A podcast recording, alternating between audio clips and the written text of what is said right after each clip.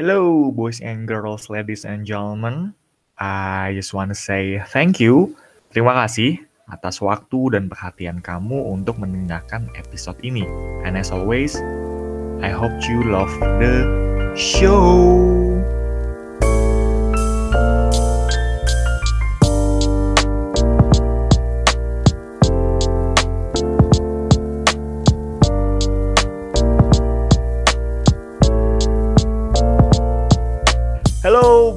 Girls, ladies and gentlemen. Welcome back to Chill Boy Show with me, the one and only Amran Hasbiaditya Putra bersama Mas Hamad Zahid Muharram. Yes, oke, benar ya? Benar ya?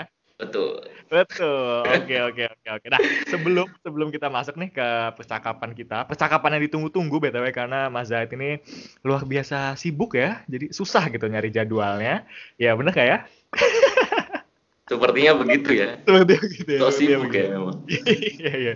Nah, sibuk jadi eh, sebelum masuk ke percakapan eh, nanti eh, ta- nanti kita aku ngenalin singkat nih sebenarnya Mas Zahid siapa sih dan kenapa aku ngundang Mas Zahid dan kira-kira topik apa yang mau aku bahas pada eh, episode kali ini. Jadi Mas Zahid ini dia sama-sama sarjana psikologi Undip. Jadi sama-sama alumni dari psikologi Undip. Dia angkatan 2013, kalau aku angkatan 2016. Nah, eh, singkatnya ketika kan beda tuh ya 13 sama 16. Nah, dia ini adalah eh, ketua BEM. Jadi ketika aku di kader, dia ini adalah ketua BEM-nya yang menyelenggarain acara kaderisasi tersebut. Dan sekarang, alhamdulillahnya, mungkin juga ucapan selamat kepada Mas Zahid karena baru saja lulus dari Magister Profesi Universitas Pajajaran, eh, fokusnya sosial. Jadi sekarang gelarnya udah MPsi Psikolog. Ya Mas ya? Betul. Yo, mantap. Congratulations, Mas. Oh, dan dan satu satu lagi, dan satu lagi, dan satu lagi, eh, Mas Zahid juga sekarang menjadi dosen luar biasa Unpad. Wow, that's amazing. Tapi aku penasaran sih sebenarnya ini luar biasa Ya, ya. beneran atau emang Mas Zahid tambah-tambahin sih? Tadi requestnya. Apa? Luar biasanya beneran emang dosen luar biasa? Ya beneran, tambah- beneran luar biasa. Apa? Kok bisa dikategorikan? Kalau kamu buka web Unpad itu, Mhm. ya ada dosen tetap dengan dosen luar biasa. Kalau aku itu karena Oke. karena hitungannya bukan dosen tetap itu yang jelas ya jalurnya CPNS, PNS dia.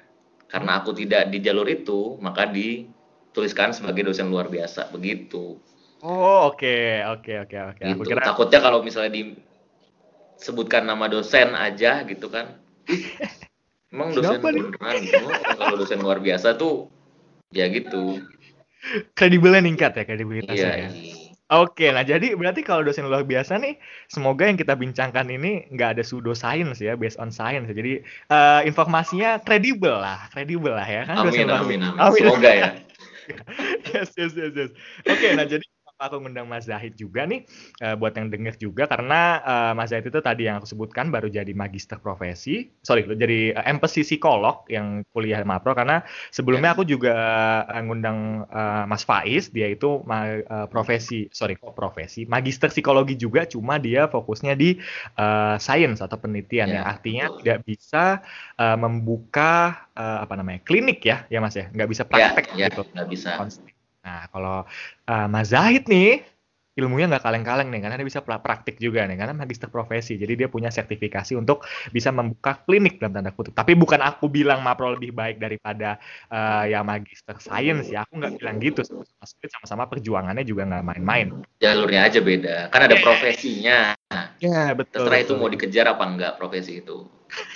Begitu. Yes, oke Mas Faiz mendengar ya, semoga mendengar nanti. Oke, oke. Jadi karena mau ngebahas Mapro nih, magister profesi dan yang menarik Oke. itu adalah mungkin kita start dari ini kali ya Mas. Aku sebenarnya bisa mulai dari sisi mana aja, cuma yang menurutku proper, yang tepat itu untuk mengawali perbincangan kita itu adalah eh yang aku tahu nih, Mapro sosial itu fokus sosial itu cuma ada di Unpad ya Mas. Bener gak sih? Betul sekali Amran. Informasimu A1 berarti. Wah, A1, oke siap lah.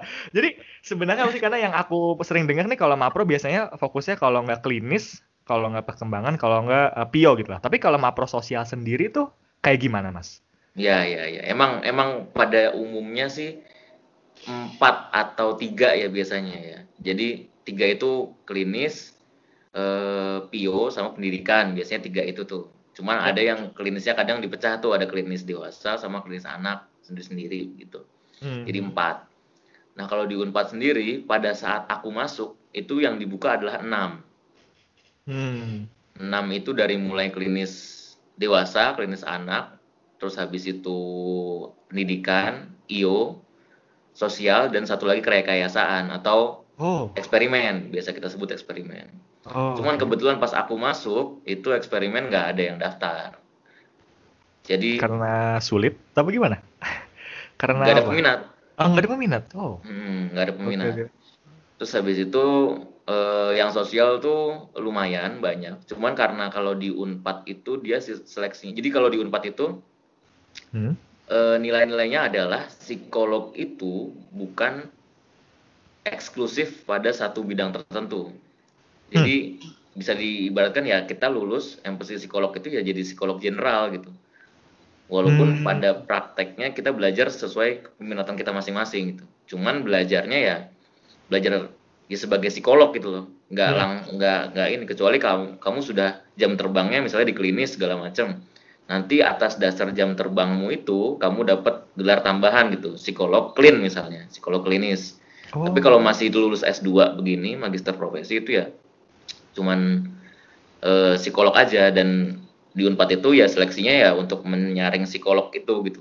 Jadi bukan hmm. langsung difokuskan seperti uh, kita sebut mungkin kampus lain seperti UGM ya.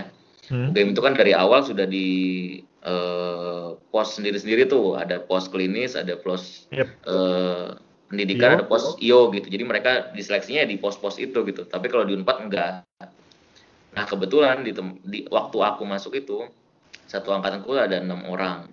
Hmm akhirnya seleksi alam jadi tinggal lima orang. Dan memang di unpad itu ya satu-satunya. Dan eh, di setelahku itu juniorku maksudnya angkatan aku udah angkatan 2018 kebetulan. Hmm. waktu masuk ke Mapro. Terus habis itu eh, 2019 itu ternyata yang keterima itu ya nggak sampai lima orang seingatku. Hmm. itu nggak sampai lima orang. Akhirnya orang-orang yang masuk atau yang sudah keterima gitu karena sistem seleksinya gini loh kan ke kebayang nggak hmm. ya jadi orang diseleksi untuk psikolognya untuk jadi okay. mapro gitu untuk jadi mapro terlepas jadi nggak dilihat dulu dia ini nanti mayoringnya apa apa apa itu nanti belakangan jadi semua orang oh. diseleksi dulu as general as ya psikolog itu gitu magister profesi gitu mm-hmm. di payung magister profesi gitu terima nih misalnya 50 orang 50 orang mm. itu masih nggak dilihat tuh apakah dia klinis, apakah dia uh, pendidikan, apakah dia bio gitu misalnya. Itu belum hmm. dilihat. Pas dilihat itu ya pas udah terjaring 50 itu, 50 itu udah udah disaring gitu. Baru nanti dipos-poskan nih sesuai peminatannya masing-masing. Yang minat di klinis berapa orang? Oh ada 12 orang, minat di bio ada berapa orang? Oh 10 orang misalnya 8 orang. Pendidikan cuma lima orang. Sosial ada enam orang, baru ketahuan gitu loh akhirnya dibukalah prodi itu gitu kalau okay. kurang dari jadi sebenarnya katanya sih kurang dari lima orang ya kalau kurang dari lima orang maka dia nggak bisa dibuka tapi kan nggak mungkin si orang ini dibuang gitu loh hmm.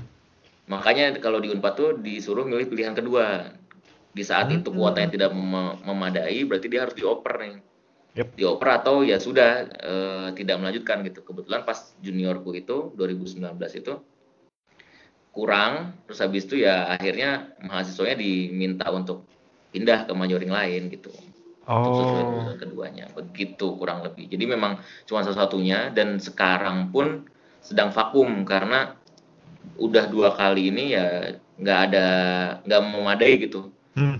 terus kita juga lagi mencoba berubah jadi dari sosial karena memang kalau dari segi psikolog itu kan hmm. sebenarnya psikolog eh, sosial itu nggak pure di ranah sosial ya. Jadi kita itu lebih banyak di komunitas sebenarnya. Hmm. Jadi mungkin akan dirubah jadi psikolog komunitas. Nah nanti eh, ini juga masih masa transisi, masih masa perubahan. Jadi kalau sekarang tahun ini pun sepertinya nggak akan buka gitu. Mungkin di eh, setahun atau dua tahun yang akan datang baru akan buka, tapi dengan nama baru namanya psikolog komunitas gitu, mayoring psikolog komunitas, peminatan peminatan psikologi komunitas gitu hmm. kurang lebih Oke, berarti sorry, uh, buat make sure lagi tuh sistemnya kayak misalkan dulu nih, misalkan kita milih matkul pilihan, misalkan satu kelas itu nggak ada lebih dari berapa gitu, maka matkulnya ditutup nggak usah nggak ada gitu loh, harus milih. Ya, kurang lebih lain, ya. seperti ya. itu, kurang oh, lebih. Oh, berarti bisa dikatakan hmm, dalam tanda kutip masih sepi peminat kali ya, bisa dikatakan kayak gitu ya mas sosial ini? Apa? Enggak juga, minatnya juga, ya? aslinya ya? banyak Amran. Oke. Okay. Karena kan tadi saya bilang sistem seleksinya ya 50 yang magister yeah. profesi gitu loh. Hmm. Bisa jadi orang-orang yang minat ada 20 nih. Tapi oh, yang dia berhasil masuk ke magister oh, profesi itu cuman tiga orang misalnya. Ah, yang iya, iya, 17 iya. orang itu ya nggak nggak masuk karena payungnya di situ gitu. Yes, yes, yes, yes. Gitu. yes. Okay, nggak, okay. nggak di masing-masing ini, nggak di masing-masing hmm. pos kayak di universitas lain gitu. Universitas lain ya. Oke, okay, oke. Okay. Oke, okay, uh, eh, jadi kalau boleh sharing sih Mas karena ya topiknya makro dan aku juga ada apa ada keinginan juga kalau bisa Mantap. lanjut makro. Mantap. Seleksinya apa aja sih kalau yang Mas Zaid rasain tuh? Kalau aku bisa jelaskan di Unpad aja ya berarti ya. Iya, iya, iya, iya. Kalau di Unpad itu dia itu seleksinya hampir sama dengan univ lainnya, tapi ya ya pokoknya dari awal seleksi berkas, seleksi berkas itu ya dari mulai ijazah, kemudian TOEFL, terus habis itu TPA itu syarat berkasnya tuh. TPA-nya itu syarat minimalnya ya tergantung norma ya. Jadi hmm. nggak hmm. ada minimalnya gitu. Tergantung yang masukin saat waktu itu tuh berapa gitu. Hmm. gitu kalau seleksi berkas. Termasuk tubelnya jadi kalau biasanya kan ada nih di univ-univ yang TOEFL minimal 550 TPA minimal eh, 600 gitu misalnya. Kalau di Unpad sepertinya enggak. Karena aku itu termasuk yang TPA-nya ya rata-rata gitu loh. Dan bisa keterima gitu ya. Mungkin seleksinya di situ. Jadi pakai norma dulu mereka. Terus setelah selesai selesai seleksi berkas keterima di pemberkasan itu nanti akan dapat uh, apa namanya. Jadi kita kalau di Unpad itu kita daftar dulu lewat semuk daftar hmm. masukin berkas segala macam nanti akan ada tuh di smuknya itu tuh Semuk itu seleksi masuk Unpad gitu, webnya Unpad gitu. Tulis Anda keterima di eh, Mapro Unpad. Selanjutnya adalah seleksi eh, wawancara dan lain sebagainya gitu. Jadi eh, tes psikotes dan wawancara gitu. Jadi kalau aku sih kebetulan dulu eh, agak konyol ya. Jadi aku nggak aku nggak tahu bahkan aku nggak tahu gitu. Eh, kalau di Unpad tuh tes masuknya ada psikotes Oh, okay. Aku nggak tahu, blank aku. Aku nggak nggak nggak kenal senior yang sudah ada di situ. Kebetulan ada senior psikologi undip juga, tapi ya bedanya sudah jauh sekali gitu. Hmm. Bedanya sudah jauh sekali. Terus aku nggak terlalu dekat sama dia. Eh, aku juga agak baru tahunya itu deket waktu aku mau tes, jadi ya terlambat semuanya serba terlambat gitu. Jadi aku nggak tahu kalau ternyata ada psikotes gitu. Aku tahunya ya datang uh, ngumpulin berkas wawancara selesai gitu. Nggak taunya di psikotes. Nah psikotesnya itulah yang lumayan panjang ya sehari. Hmm. jadi dari pagi sampai sore yang benar-benar menghitung melihat gimana daya juang kita gitu. Itu keluar semua tuh dari mulai GST grafis Pauli terus hmm. habis itu apalagi ya?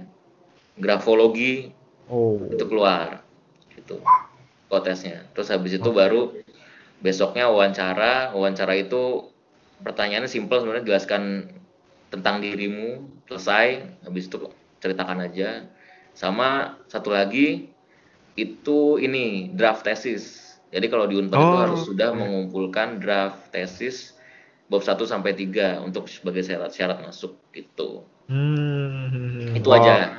Yes, Simpel yes, sih yes. sebenarnya, nggak terlalu banyak. Simpel tapi persiapannya luar biasa ya. iya yes, oke. Okay.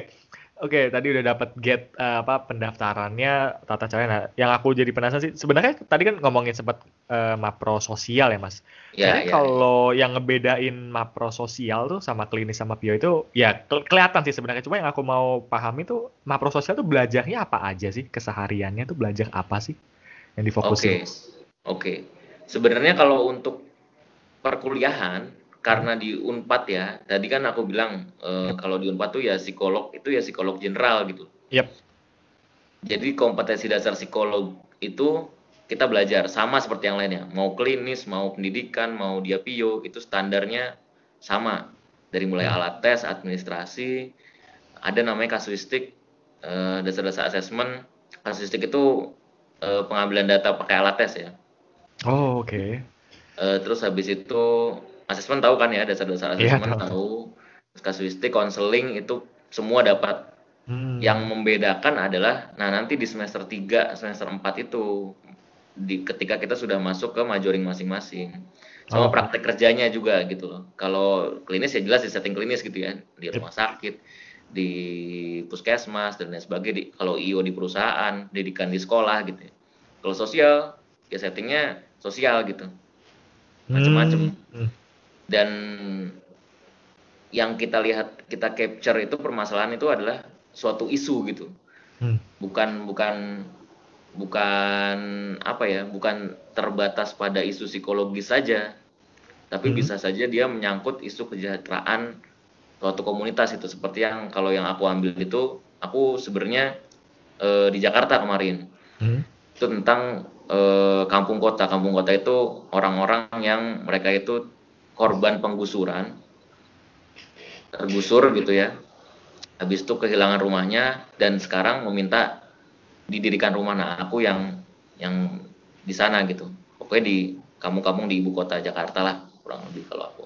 Hmm. gitu. Jadi setting itulah yang membedakan antara yang lain dengan eh, satu dengan yang lainnya. Setting prakteknya sama setting ya sebelum kita praktek pasti dibekali dulu kan.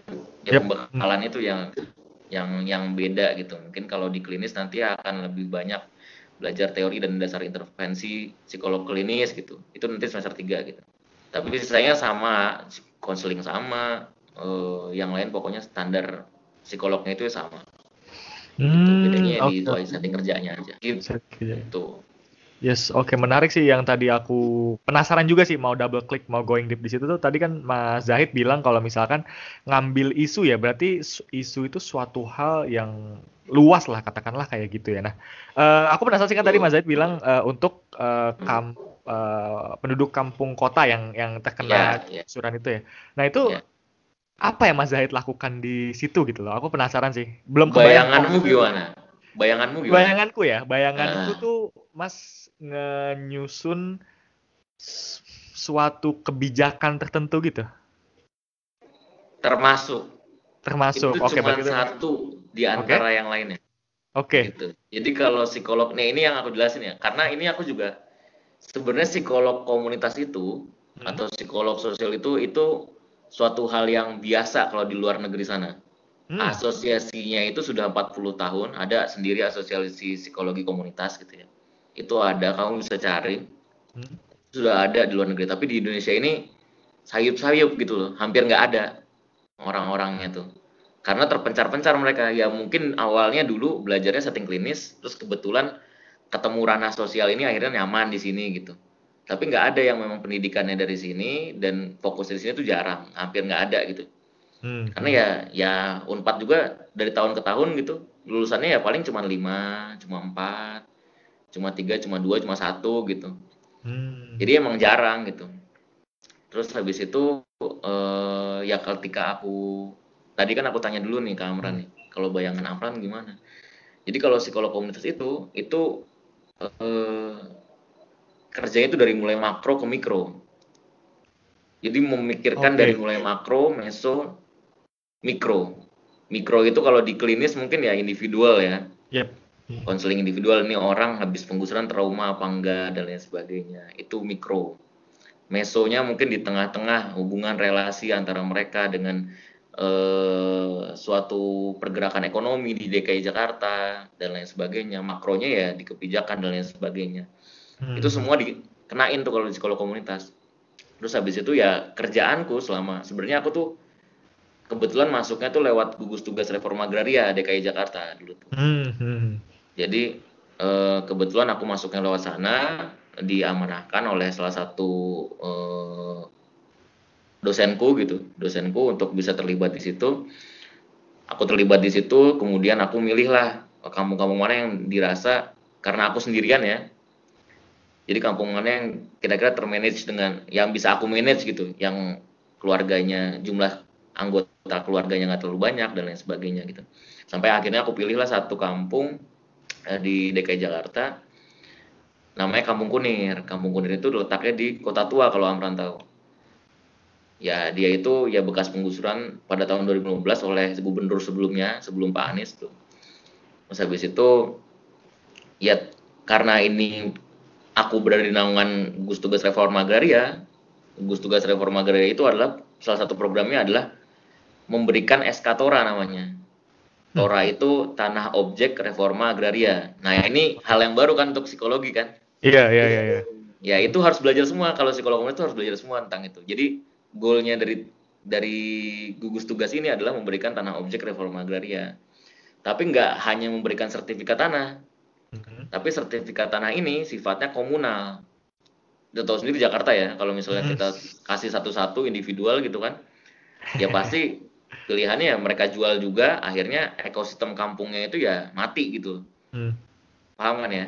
Yep. Jadi misalnya kita kita bagi satu keluarga satu sertifikat gitu hmm. ntar ada yang merasa iya aji mumpung nih gitu kan dapat sertifikat nih ah gue jual aja ke developer misalnya yeah. atau jual ke developer akhirnya harga tanahnya naik ditawar-tawarin sebelah sebelahnya akhirnya hilang juga kampungnya nah sementara aku tuh nggak mau kayak gitu gitu programku tuh tidak mau seperti itu kita pengen kampung ini tetap ada di Jakarta sebagai salah satu harmoni gitu ya hmm. ya ruang kota itu ya nggak cuma diisi sama gedung-gedung bertingkat aja gitu tapi ada orang-orang ini nih yang sebagai penyokong kehidupan di ibu kota karena kalau nggak ada mereka-mereka ini orang-orang yang kerja OB segala macam masa makannya di KFC segala macam nggak mungkin. Yeah, yeah, yeah. Mereka pasti turun ke sini gitu untuk bisa memutarkan roda ekonominya di di yang lingkup kecil ini gitu. Nah itu cita-citanya dari situ. Habis itu karena melihat fenomena itu ada penggusuran segala macam. Ini orang orang yang bisa di, bisa dikatakan tidak berdaya gitu ya. Ya sudah aku masuk ke sana sebagai orang yang belajar gitu ya. Jadi kalau si kalau psikolog yang bekerja di komunitas itu kita datang itu bukan kita yang paling pintar gitu, tapi kita mau belajar dulu dari mereka gitu. Cara mereka bertahan hidup karena beda dengan kita. Kita mungkin bisa stabil kayak gini dapat uh, uang dari orang tua gitu kan.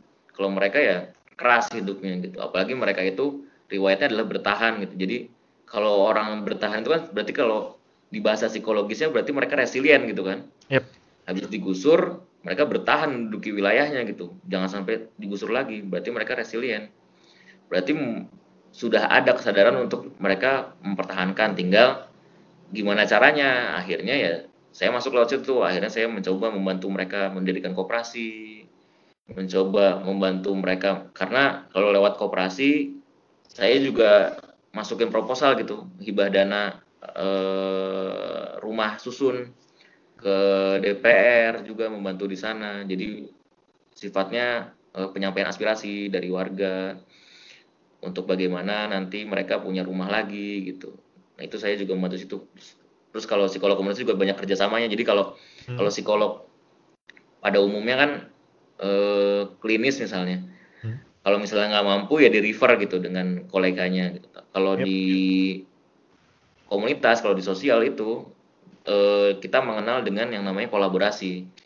Jadi kalau misalnya saya nggak mampu, saya kerjasama, tapi saya tidak berhenti gitu.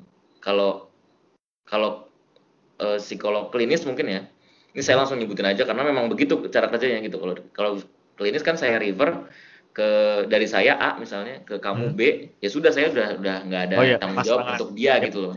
Tapi kalau di psikologi sosial itu ya kolaborasi gitu sistemnya. Jadi saya tetap bertanggung jawab atas komunitas ini dengan cara saya mencari jawaban untuk menyelesaikan masalah mereka dengan cara kolaborasi tadi dengan pihak-pihak hmm. lain. Kalau aku kolaborasinya kebetulan sama arsitek.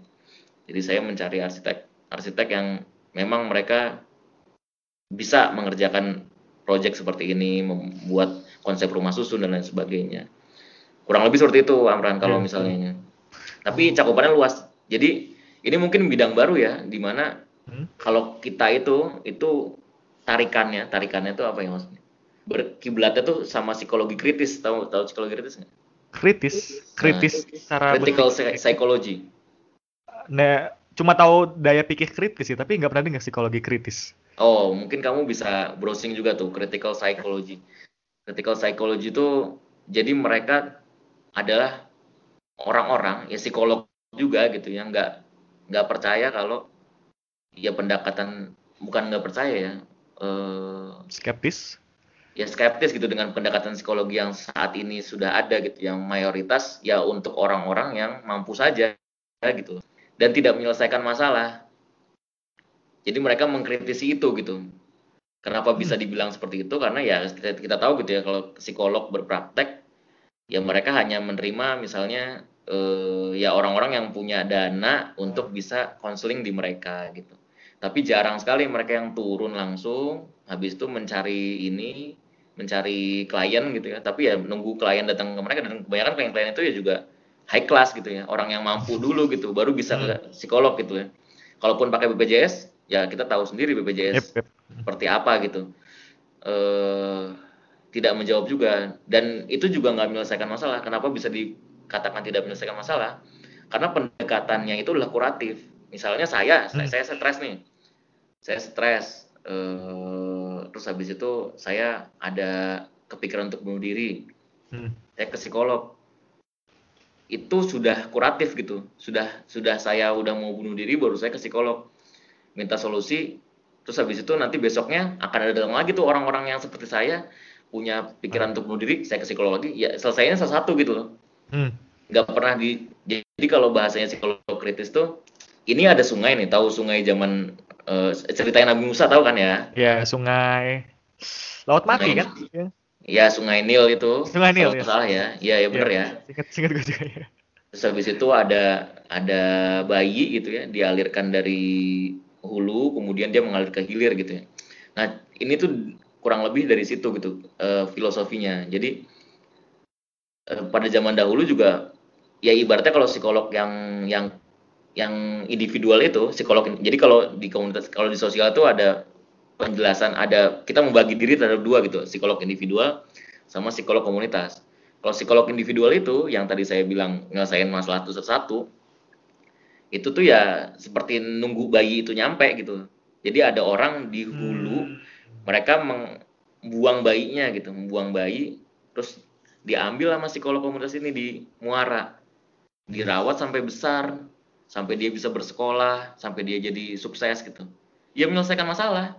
Tapi besoknya ada lagi nih bayi ini datang lagi, set dirawat lagi. Besoknya datang lagi bayi dirawat lagi. Dan nggak pernah selesai gitu loh. Hmm. Permasalahan si bayi ini akan terus tetap ada. Mau sampai kapan kita mengurusi itu gitu?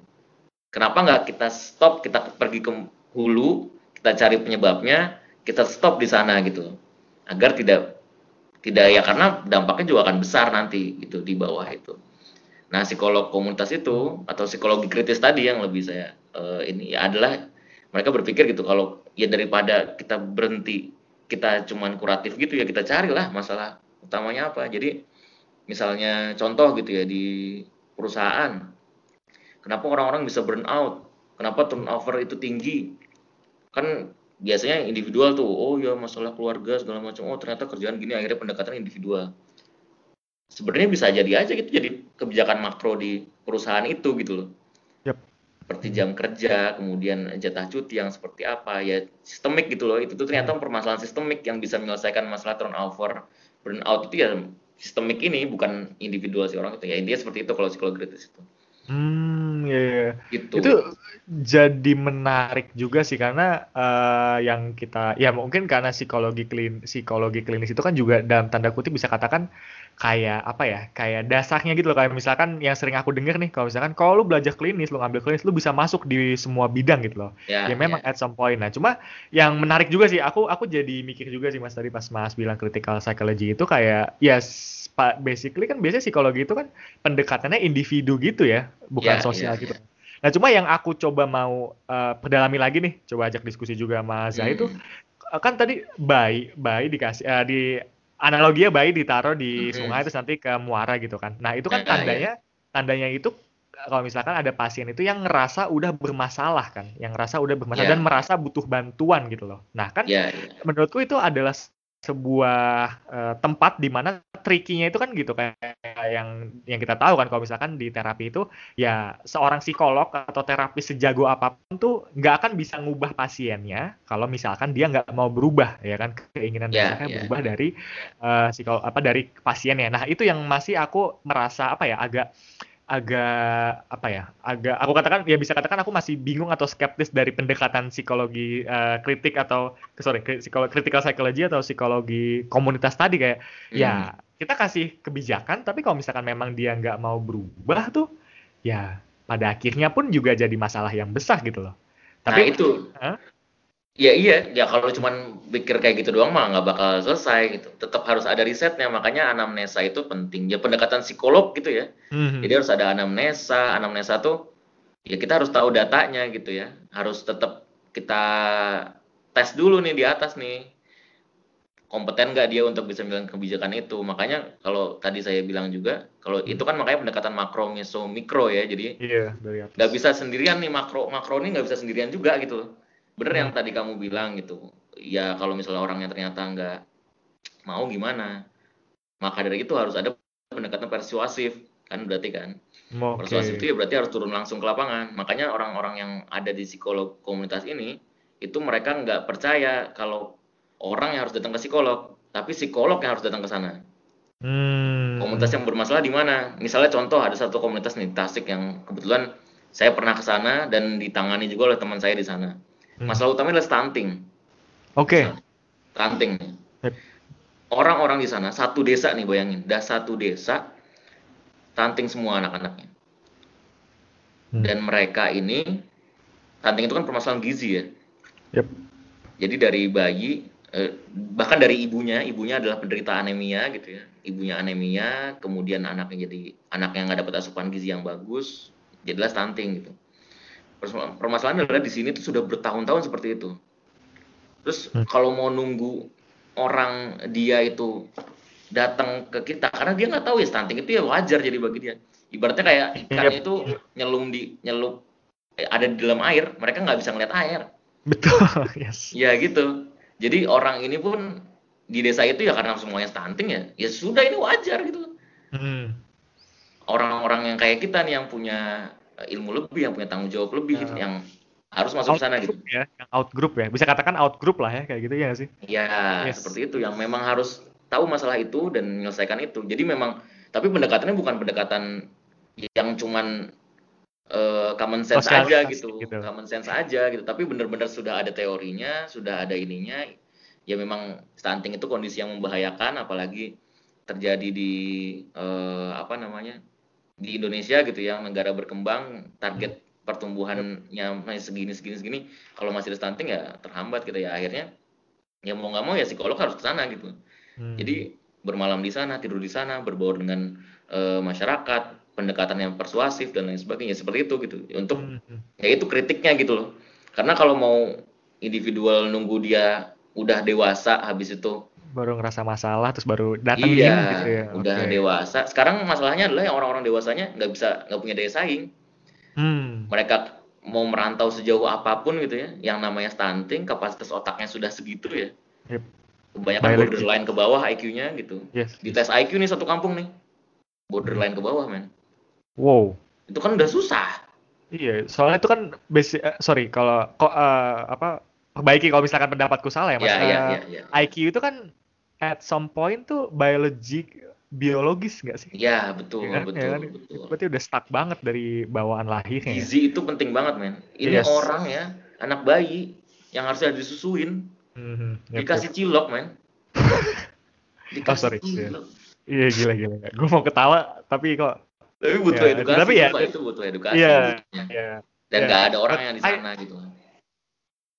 Nah, Gitu. itu ini sebenarnya aku bisa relate banget sih Mas kayak ketika Mhm. KKN ya kan ketika KKN kan Iya, kita iya, disuruh eh, ada proker dari psikologi dan yang paling sulit, yang paling gampang menurutku dan bukan ya, nggak aku katakan paling gampang sih. Lebih mudah itu adalah anak-anak teknik nih misalkan. Contoh misalkan Iya, iya. PWK. Oh, berarti dia buat peta desa misalkan atau bangunan atau eh, rute sampah eh, rute sampah yang lebih efektif lah misalkan kayak gitu. Nah, ketika psikologi kayak kayak, oke apa ya? Nah, aku tuh selalu kebanyakan dari teman-temanku sih yang aku lihat sih. Nggak tahu di Mas Zahid ya. Cuma kalau aku dulu tuh nggak ngeliat kalau nggak penyuluhan hmm. kalau nggak sosialisasi, kalau nggak pelatihan, udah gitu aja gitu. Nah, ketika tadi Mas Zahid bilang-bilang kayak gini dan aku get kesimpulanku gitu adalah kesulitannya ketika psikologi komunitas ini atau ketika psikologi ini diimplementasikan itu adalah ketika kita mau nge apa ya ngeimplementasi ini tuh menjadi suatu kebijakan ya nggak sih batasannya di situ nggak sih yang yeah, paling yeah, menurut gue yeah. yang paling berat di situ ya mm. karena kalau sebagai anak kakak yang pribadi kan kayak ya udah cuma 40 hari nih ya apa yang yeah. kita harus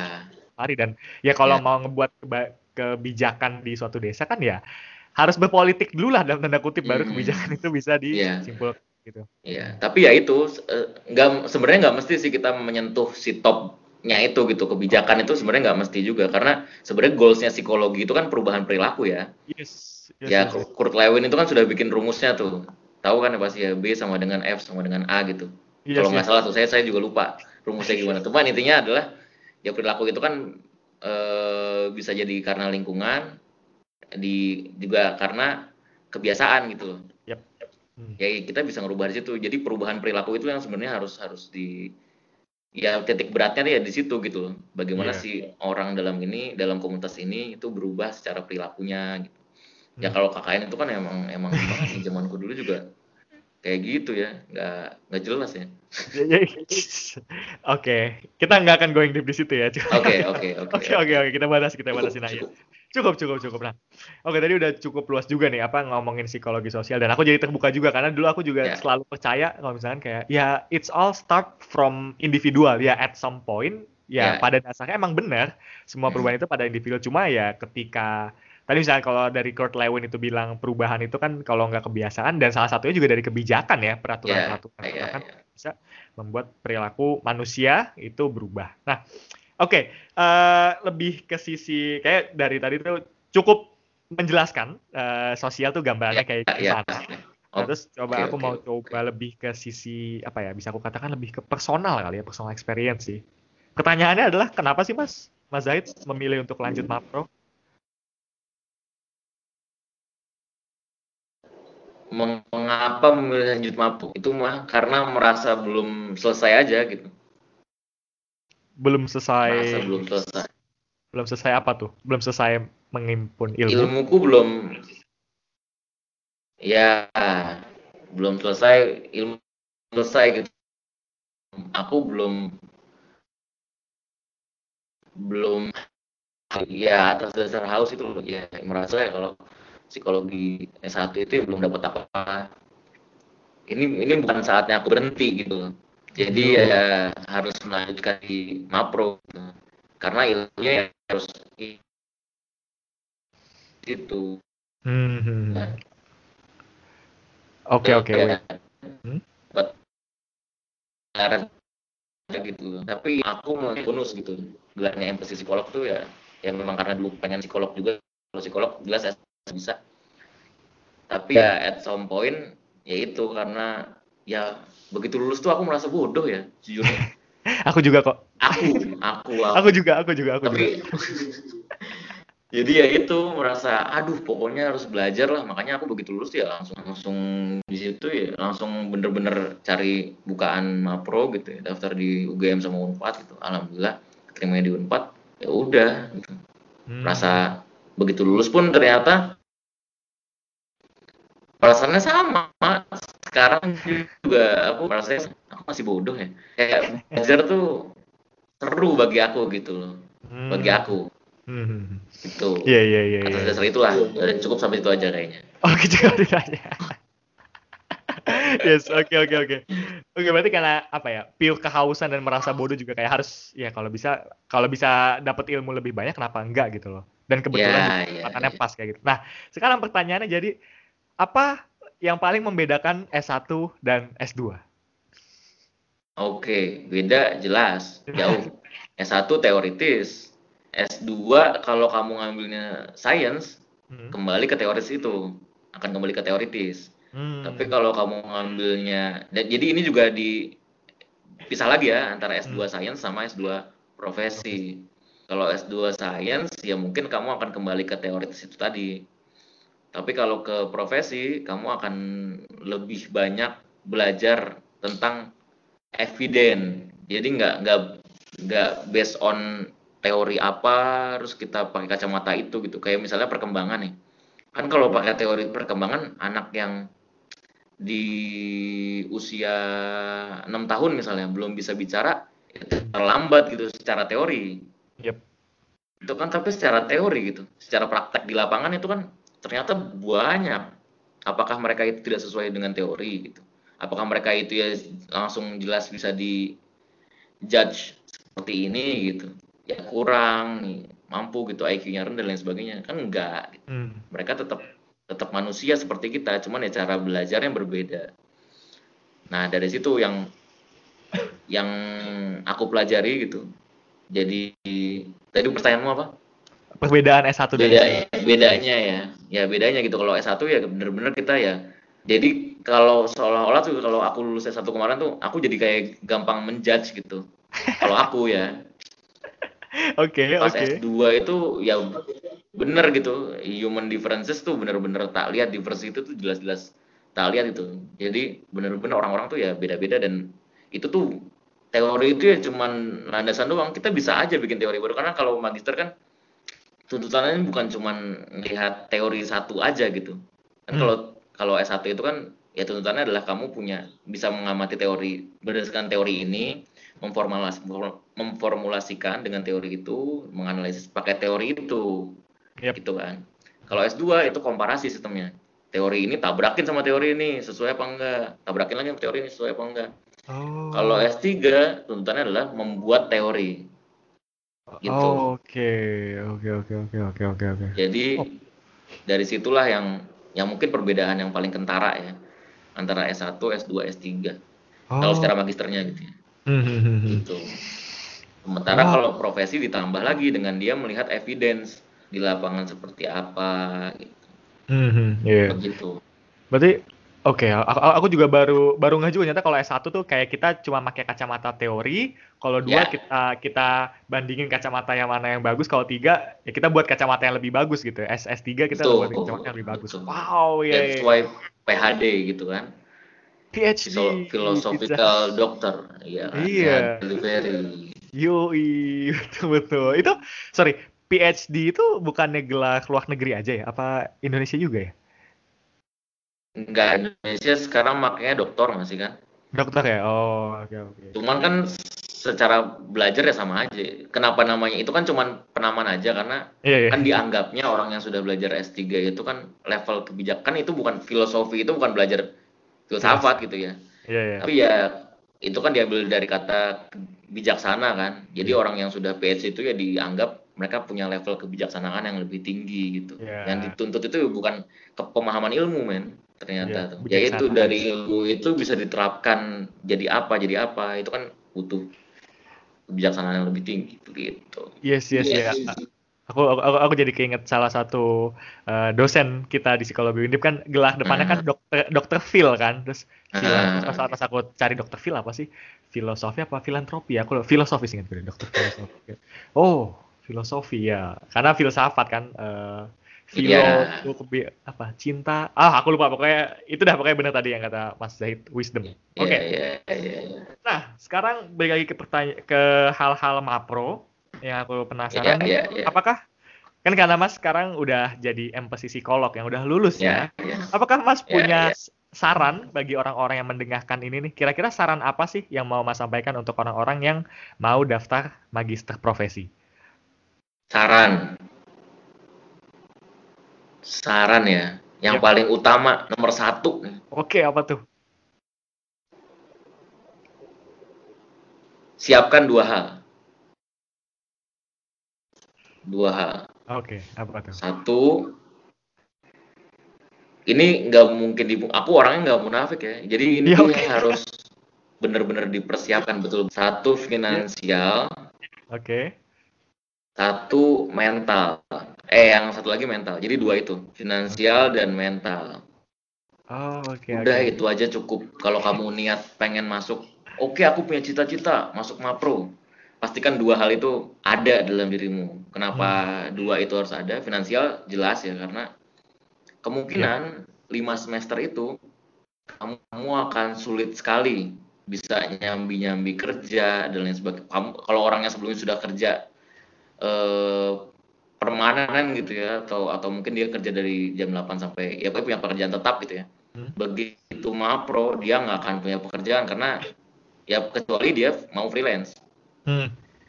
Tapi ketika dia mau freelance itu pun pasti kan ya yang kedua ini nih mental ini nih Hmm. kuat apa enggak bro? Itu Ya. mapro itu tinggi. Dulu ingat banget aku Hmm. eh, Mas Zulfa itu Mas Ya. Zulfa yang sekarang jadi dosen itu dulu pas aku mau nyoba-nyoba eh mau ya mencari informasi gitu ya tentang terkait Mapro itu ya aku juga ke UGM beliau itu baru baru lulus ingat Wah. aku. Aku ke UGM naik motor dari Semarang nyampe sana. Itu ada pameran gitu ya pameran UGM eh, psikologi UGM tuh buka pameran gitu. Eh, terus habis itu ya ada stand-standnya gitu masing-masing. Ada Mapsi ada Mapro. Mas Zulfa gitu. Terus aku bilang kalau aku mau masuk Mapro kata Mas Zulfa itu ingat banget aku kata-kata dia. Kamu nggak akan bisa menikmati kehidupan kalau di Mapro. Mapro itu padet banget. Sumpah sumpah. Oke. kalau Mapsi itu masih bisa main futsal. Lihat aja Faiz hidupnya kan? Santai. Masih bisa jalan-jalan gitu ya. Iya masih bisa keliling-keliling ya kali kalau. Mapro tuh iya makanya. Mapro tuh harus siap lah pokoknya secara finansial dan mental. Dan kalau kamu masih kuat kalau kayak aku gitu ya aku sih sejujurnya masih bisa nyambi-nyambi gitu. Aku sih sistem kerjaku adalah ya hari Senin sampai Jumat aku untuk kampus hari Sabtu dan Minggu aku untuk diriku gitu. Jadi diriku tuh dalam artian ya aku nggak mau bokeh juga karena aku juga sendiri gitu nggak aku bukan be- beasiswa satu karena aku merasa aku nggak pinter-pinter amat ya. Makanya aku tidak mengapply beasiswa. Dari awal sudah insecure duluan kalau aku karena aku nggak pinter-pinter amat. Ya pastikan teman-teman juga kalau misalnya eh, pinter gitu ya mending ambil beasiswa aja. Kalau kalau aku sih karena aku merasa tidak ya daripada capek-capek di sana ya karena aku kebetulan punya kemampuan untuk bisa menghasilkan uang itu gitu. Jadinya ya udah aku Sabtu Minggu ngasilin uang gitu ya sisanya belajar gitu. Cuman ya capek pasti gitu. Nah di situ yang saat tadi aku bilang mentalnya itu ada orang yang bahkan temanku itu ya dari awal masuk kuliah sampai sekarang tuh ya masih maksudnya sampai lulusnya dia udah lulus ya menangis gitu mental breakdown break Wow. ya ya ya me- apa namanya demot ya. Terus habis itu kuat dengan tugas yang menangis setiap ada tugas itu. Tangisan itu sudah biasa di Mapro tuh Oh. tangisan-tangisan itu sudah biasa gitu. Men- menangis karena tugas tuh bi- biasa kalau S1 tuh tugasnya Ya. masih ece-ece lah kalau misalnya kalau Mapro itu ya Iya iya iya. iya kalau Mapro hari ini intake kita misalnya Hmm. intake besok laporan sementara alat tes yang dipakai itu bisa lima macam lima macam itu harus interpretasi juga kayak analisis fragmental udah mau waktu satu hari selesai tidur sejam dua jam habis gitu. Itu yang harus kuat gitu. Kalau finansial oke mentalnya nggak kuat seleksi alam. Angkatanku aja yang Yep. banyak gitu ya. Satu dua tiga empat. Ya empat orang lima orang lah yang pada akhirnya nggak lanjut. Hmm. Karena mentalnya gitu. Dua itu aja. Kalau ya pastikan finansial ada. Kemarin aku sempat hitung hitungan tuh sama Faiz sama temanku juga ada satu. Hmm. aku sampai lulus kurang lebih ya. Kalau kayak aku yang tidur ke orang tua aja. Itu pastikan penghasilan bulanannya bisa 6 jutaan. Karena harus pakai biaya kos juga misalnya. ya itu dihitung lah pokoknya. Cari bi- apa uang uang bulanannya semester apa UKT-nya tuh berapa.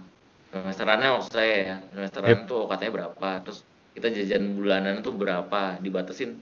Cuman ya kadang ya itu ketika kita kan melihat teman-teman kita udah pada kerja ya udah punya uang sendiri bisa jajan beli sepatu gitu beli gearnya mereka masing-masing. Kita tuh masih kere aja kan.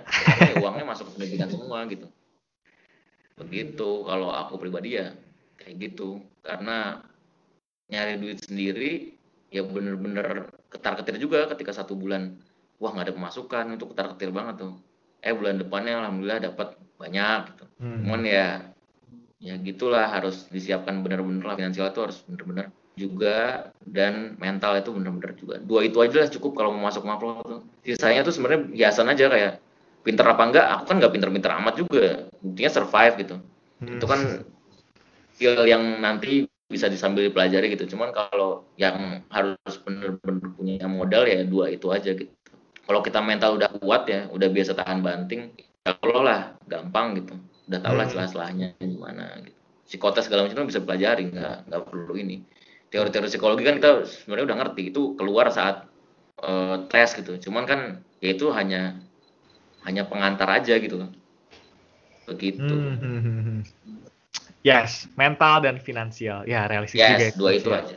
Yes, yes, yes, yes, yes. Nah, menarik juga sih tadi tadi Mas Zaid juga sempat bilang apa ya yang penting mental dulu deh skill-skill yang lain tuh bisa lah nanti dipelajari pas uh, kuliah pas ngejalanin mapro nah skill-skill tersebut tuh apa aja Mas kira-kira kalau bisa dijelaskan ya banyak ya hmm? public speaking jelas okay. karena kita akan intake klien terus percaya diri. Terus habis itu apa ya observe bisa mengamati orang dengan detail. Itu hmm. penting tuh. Nggak cuma mengamati doang ya tapi dengan detail. Oke. Okay. dia ngapain cuma garuk-garuk gini aja kita harus perhatiin. Karena itu ada artinya gitu gini-gini ada artinya. Kita oh. gitu. Terus habis itu ya itu salah satu lagi kemauan untuk belajar. Itu juga harus. Jadi nggak merasa cepat puas. Itu penting banget itu. Terus adaptasi. Adaptasi yang paling penting. Hmm. adaptasi. Karena pasti kan apalagi kalau yang kayak kita S1 nya psikologi undip S2 nya nggak ada gitu loh. Otomatis hmm. kita kayak harus ke UI ke UGM ke UNER ke Unpad yang mana kulturnya beda segala macam kita harus bisa cepat adaptasi dan lain sebagainya kurang lebih seperti itu. Oke oke oke oke oke oke oke oke yes yes yes yes yes. Wow. ya memang ternyata Mapro tidak ini. Tadi pas pas pas Mas Zahid bilang tuh kayak tangis apa karena tugas-tugas tuh di Mapro biasa nangis tangisan tangisan karena tugas tuh biasa. Terus aku mikir kayak oh my god maksudnya kita Mapro psikologi gitu ya kita yang belajar psikologi tetap aja nangis. Tetap aja gitu loh apa bisa uh, menangis karena tugas-tugas yang berat gitu loh. Padahal kan pada pada hal idealnya sih kalau idealnya kan karena kita belajar psikologi kita seharusnya juga bisa dalam tanda kutip mengolah emosi atau jiwa kita ke arah yang lebih produktif gitu ya. Idealnya. Ya, idealnya. Tapi kan nggak semua manusia ideal. Ya tidak ada manusia yang ideal mah. Ya kan yang iya, sempurna betul. yang sempurna. Yang ideal ada yang sempurna nggak ada. Iya betul Yes, yes, yes. Oke. Okay. Oke. Okay. Nah ini aku penasaran sih karena kebetulan fun fact juga tadi sebelum kita mulai kita sempat sempat diskusi dan tadi Mas Zahid tuh kayak nyebutin satu, satu jurnal yang menarik juga yang tiba-tiba aku nanti abis ini mau langsung searching yang gigi berhubungan dengan memori episodik. Nanti akan aku cari. Cuma nanti akan aku cari. Aku mau kredibilitasnya aku pengen aku pengen lihat nih. Beneran gak nih? Nah, menarik banget nah uh, ngomongin itu juga ngomongin jurnal sih. Sebenarnya kan yang aku get ya mas yang aku pahami hmm. nih kalau aku dulu skripsian juga pasti bacaannya jurnal kalau nggak buku teks textbook penelitian-penelitian pendahulu kayak gitu ya. Nah kalau dari mapro kan otomatis ya secara nalarnya yeah, sih yeah baca jurnalnya tuh bakal lebih banyak atau ya harus uh, kenal banget lah, deket banget lah sama jurnal, harus udah apa gitu. Nah, Mas ada nggak sih uh, dulu pas Mapro tuh kayak strategi tertentu gitu untuk mencari jurnal, tata cara step by stepnya gitu, cari atau baca jurnal dengan efektif gitu ada nggak? Nyari, kalau nyari tentunya seperti biasa kita hmm. mengandalkan Google Scholar, pakai keyword, ya ya sama lah itu mah hmm. uh, kurang lebih pakai keyword, habis itu kita manfaatkan aja Google Scholar dengan baik-baiknya gitu. Ya. Kalau aku sih biasanya memanfaatkan tahunnya Aku hmm. searchnya itu tahun per tahun kalau aku biasanya. Dari mulai yang dari mulai yang paling muda sampai yang paling tua karena kalau kalau aku itu ya ya karena nggak pengen gitu ya e, penelitian yang udah lama banget tua gitu. masih dipakai gitu. Kalau aku pribadi padahal nggak ada tuntutan itu cuman karena aku akan dari dulu seperti itu jadi itu yang mudah-mudahan sesuai dengan keyword yang kita ini dulu sekolah ketemu lihat lagi berbayar apa enggak kalau berbayar ya kita pakai sayhap gitu. Kalau mau berbayar okay. tinggal dulu no. Eh tapi emang sorry, emang wifi Unpad ya itu nggak bisa ngebuka jurnal yang berbayar? Sorry. Halo, halo? Lancar nggak? Halo, halo, apakah sudah bisa didengar suaraku? Sudah, sudah, sudah. Oke. Okay. Tadi, sorry, ngomongin Sci-Hub, ini sekedar ngekata aja. Emang nggak ada wifi kampus yang bisa ngebuka jurnal berbayar, Mas?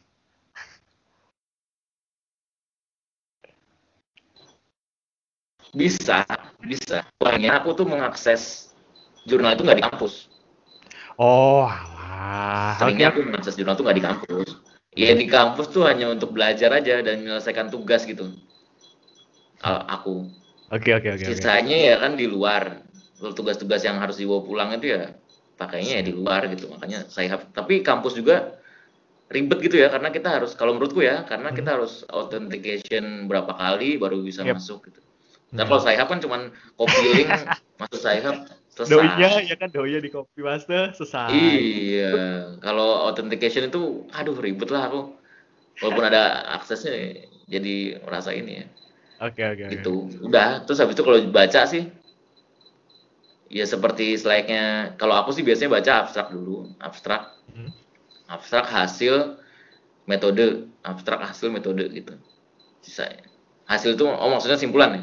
Hmm. abstrak e, simpulan metode hasil. Udah gitu. Latar belakang jarang aku baca. Abstrak simpul abstrak simpulan metode hasil. Oke oke oke ya. oke oke. Oke kalau kira-kira nih apa apa dalam keseharian pas mapro kira-kira berapa jurnal ya. sih jumlah jurnal yang mas cari dan baca dan rangkum gitu? Wah nggak kayak gitu ya kayaknya banyak banget kalau berapa kira-kira? Bisa dapat gambaran nggak angkanya?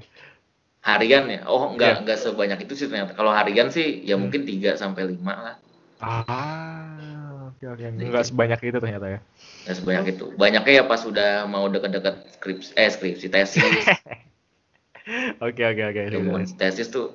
Berapa ya, tapi tapi lima itu yang beneran dibaca ya iya iya iya iya tidak dalam proses pencarian ya karena kalau proses pencarian tuh bisa jadi 10 15 oh sorry tiga sampai lima itu yang udah dikurasi gitu ya langsung. Oh nih ya. teman gue dalemin gitu ya. Oh oke okay, ya, oke. Okay, ya, okay. ya, gitu. Kan kita nyari nggak langsung dapat ternyata ya. ini topiknya nggak sesuai. Akhirnya hmm. nggak hmm. jadi. Makanya aku baca tuh abstrak dulu gitu karena kadang abstrak itu kan uh, oh abstraknya sesuai nih. Begitu baca simpulan, ih simpulannya nggak sesuai. Akhirnya nggak jadi baca. itu hitungannya udah kebaca belum jurnalnya tuh? Uh, scanning, udah ke scanning. Iya, udah udah scanning dikit ya. Ya. akhirnya ya udah akhirnya dari situ sampai jadi paling lima tiga yang beneran dibaca dari awal sampai akhir gitu. Oh, oke oke oke. Oke oke. Gambarannya kayak gitu. Nah, terus tadi juga nih aku mau sekedar ini aja sih kan dulu nah. uh, kita ya kita nah. kan satu almet ya uh, alma mater ya kita kan diajarin kalau misalkan kalau bisa jurnal uh, penelitian jurnal yang diinput di daftar pustaka itu jangan lebih dari 10 tahun.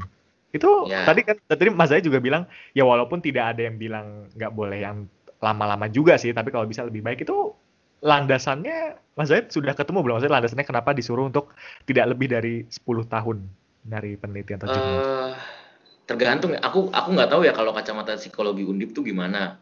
Hmm? Memberikan peraturan seperti itu. Cuman kalau di Unpad itu hmm?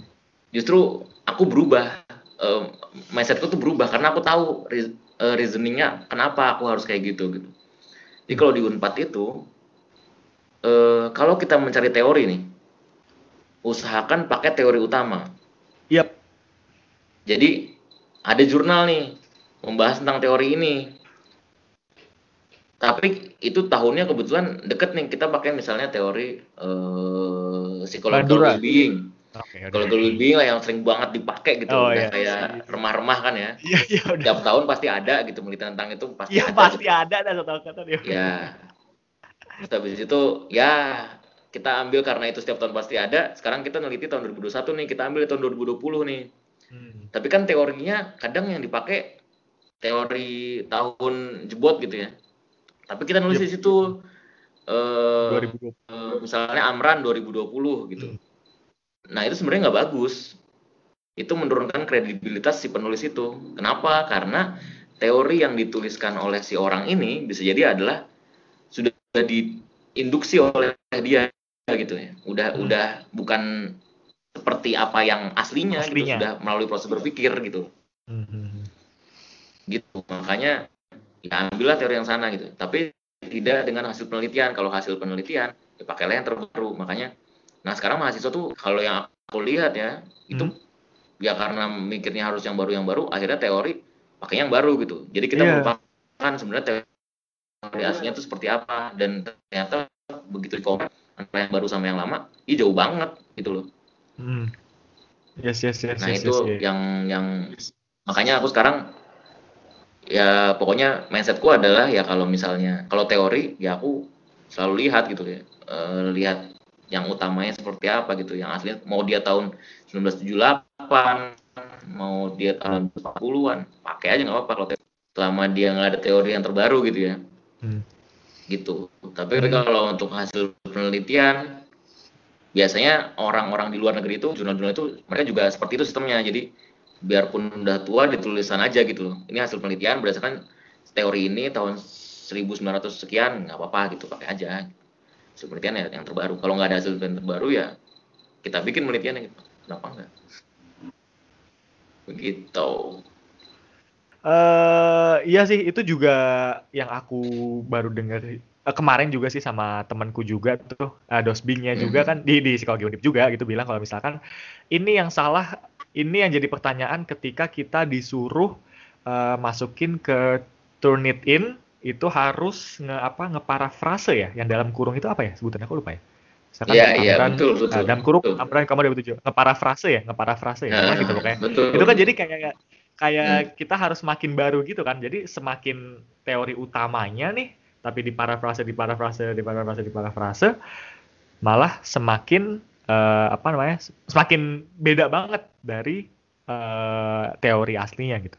Jadi tadi udah ngomongin jurnal beberapa baca jurnal dan segala macam. Nah aku penasaran sih mas karena kan kalau dari Mapro sendiri kan otomatis nih ya seharusnya ya eh, lebih luas eh, ilmunya terkait psikologi gitu. Nah dari Mas Zahid sendiri eh, apakah ada eh, apa ya eh, sebutannya favorit resource eh, tempat favorit untuk belajar psikologi eh, mendalami ilmu psikologi selain dari jurnal atau dari buku paket eh buku paket textbook gitu ada nggak?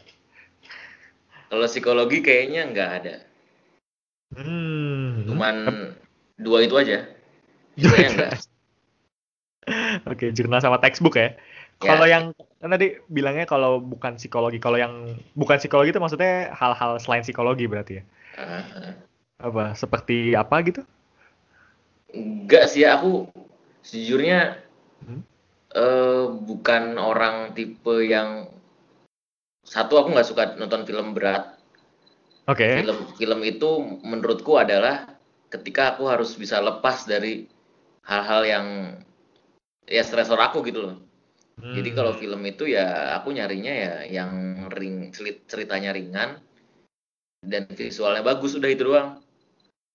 Jadi kalau yang berat-berat gitu kayak kan sering banget tuh kayaknya ada tuh yang share ini ini bagus nih psychological thriller. Ya. Atau, ini apa nih psikolo- aku malah justru nggak tertarik gitu dengan dengan hal, seperti itu gitu. Kalau aku Hmm. jadi enggak. Terus film pun ya ya yang ringan dan visualnya bagus adalah kartun. Tidak lagi Oh. gitu. Apa? Jadi- SpongeBob. Enggak, enggak. Oke. Ya mungkin kartunnya juga agak berat ya. Dek- kayak Detektif Conan gitu. Iya, itu berat gak sih? Ta- Tapi Itu ya, kan- ya seberat-beratnya kartun Anime untuk? Detektif Conan ya. Iya, anime Ya. gak sih jatuhnya? Ya anim sih jatuhnya cuman. Iya. Ya, tapi ya SpongeBob juga nonton, Oh, Doraemon. iya. Tapi ya gitu aku aku nggak suka kalau film ya. Terus habis itu kalau buku, kalau buku aku buku berat-berat justru Apa tuh? ya jarang aku kalau kayak orang-orang kan eh, bukunya eh apa ya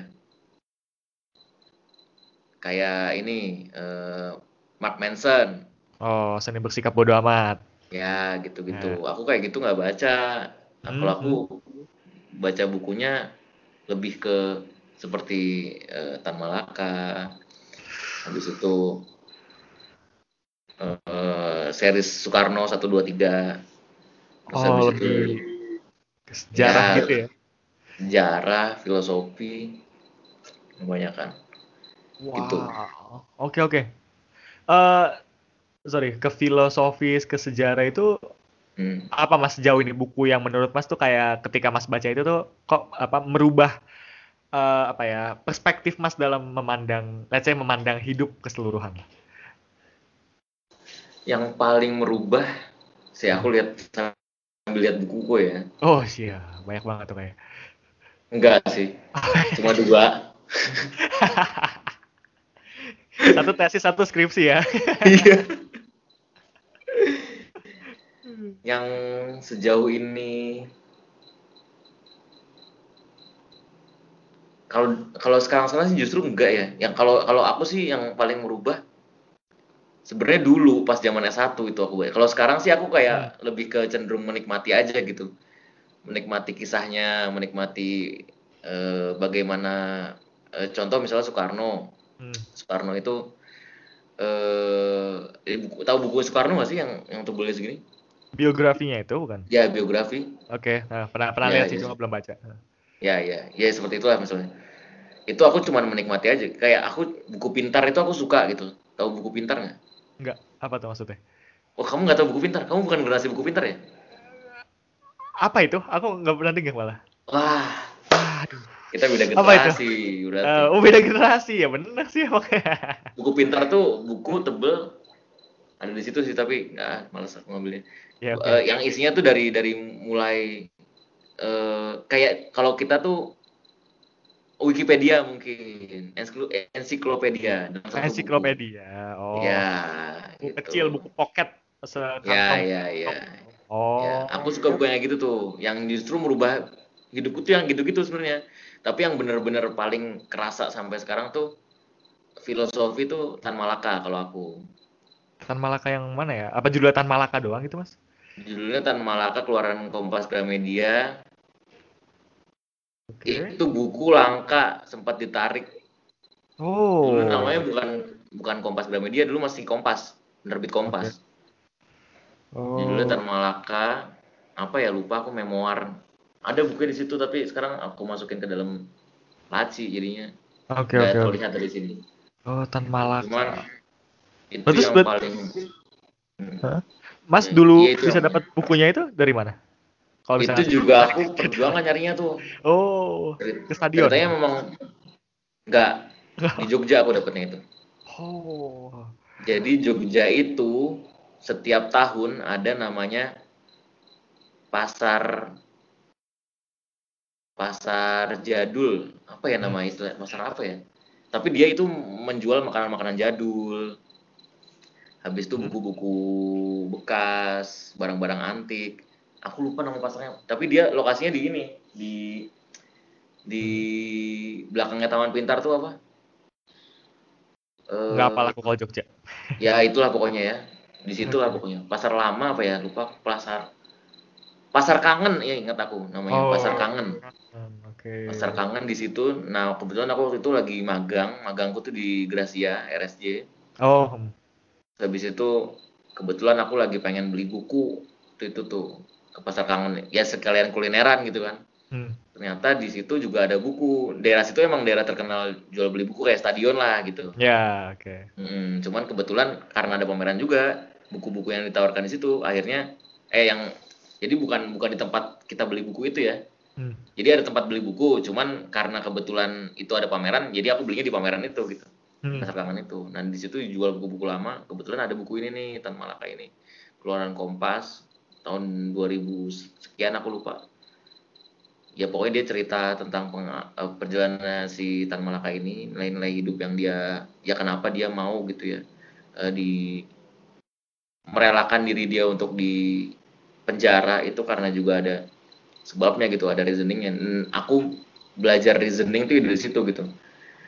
Oh ternyata tuh ya nggak semua hal yang buruk itu buruk nggak semua hal yang baik itu baik gitu. Ternyata ya dua sisi gitu loh. Kita benar-benar harus melihat secara dekat banget gitu ya baru tahu si orang ini. Karena mindsetnya adalah Tan Malaka itu jahat gitu loh Hmm. dari dari dulu aku SD SMP Iya. SMA itu ya dia itu bukan Dicap pahlawan gitu Iya. Iya, jahat gitu ya Yap, yap, yap, yap, tapi setelah baca itu ya kan Kompas itu memang tujuannya mau mengubah ini ya sejarah yang tadinya buram menjadi lebih cerah, cerah. gitu. Ya dari situlah aku belajar gitu ya. Oh ternyata ya nggak semua yang ya itu doang sih sebenarnya. Kalau buku yang aku membekas sisanya sih kayaknya enggak ya nggak ada. Kayak sekarang tuh buku ya cuman buku aja gitu. Aku lebih lebih suka textbook. Hmm, entah kenapa textbook. gitu. Textbook iya. psikologi gitu? Enggak. Psikologi kayak tapi yang tapi bukan psikologi yang kayak psikologi sosial gitu-gitu enggak ya. Iya, bukan. Textbook yang kayak, tadi yang aku bilang eh, psikologi kritis, critical psychology, terus psikologi for for sustainability, tahu nggak? Uh, enggak. Itu. Nah, itu itu kayak gitu-gitu loh yang aku Inggris belajar. Inggris, kebanyakan Inggris semuanya. Oke, okay, oke. Okay. Psikologi for sus psikologi sustainability. Kalau mau ada aku bukunya tinggal Yui, siap siap siap sustainability ini. Itu karena sekarang juga aku lagi concern di isu-isu lingkungan.